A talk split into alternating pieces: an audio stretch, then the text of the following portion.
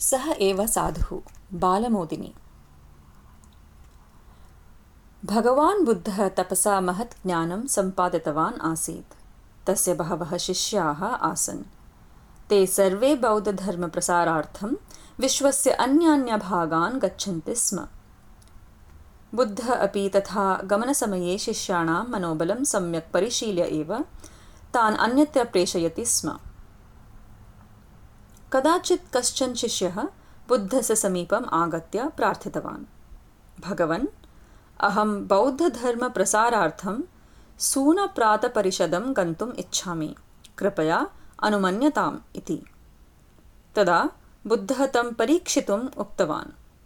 वत्स धर्मप्रसाराय गमनम् उत्तममेव परन्तु भवान् यत्र गन्तुम् इच्छति तत्रत्याः जनाः कठोरहृदयाः क्रूराश्च। ते भवन्तं द्विषन्ति, दूषयन्ति च। भवतः विषये दुर्वचनानि अपि वदन्ति। कथं भवान् एतान् अपमानान् सहते इति।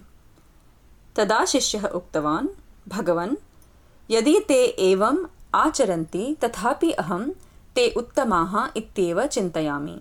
यतः ते मह्यं कपोले च पेटिकां न दत्तवन्तः खलु इति चिन्तयन् अहम् आनन्दम् एव अनुभवामि इति।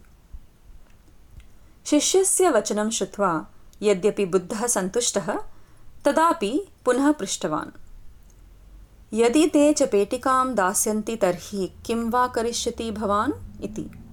शिष्यः उक्तवान् भगवन् तदापि अहं तान् उदारहृदयान् एव मन्ये यतः ते मां लगुडेन पाषाणैः वा न ताडितवन्तः खलु इति चिन्तयन् आनन्दम् अनुभवामि इति।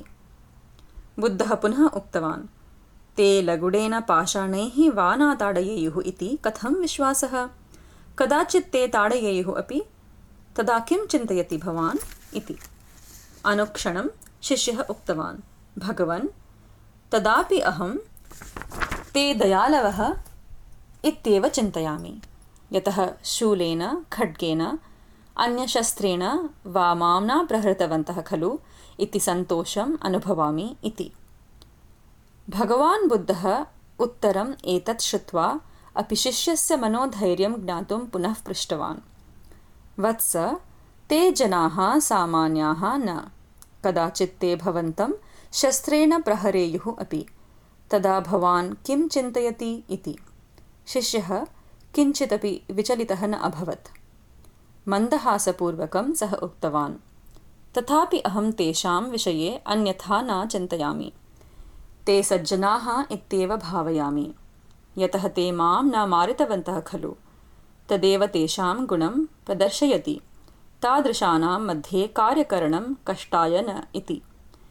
शिष्यस्य उत्तरं श्रुत्वा बुद्धः अत्यन्तसन्तुष्टः।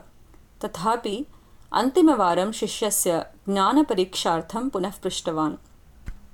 वत्स कदाचित् ते भवन्तं मारयेयुः अपि। तदा इति। तस्य वाक्यस्य समाप्तितः पूर्वमेव शिष्यः भगवन् तदानीं तु अहम् आत्मानं धन्यं मन्ये।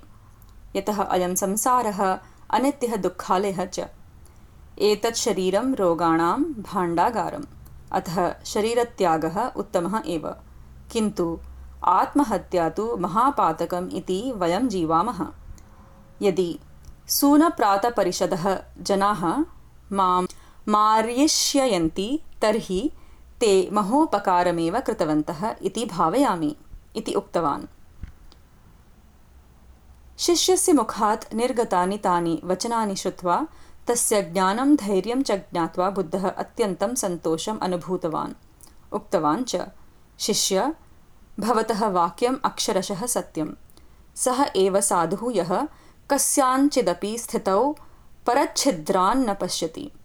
इदानीं भवान् समग्रे जगति यत्र कुत्रापि गन्तुम् अर्हति।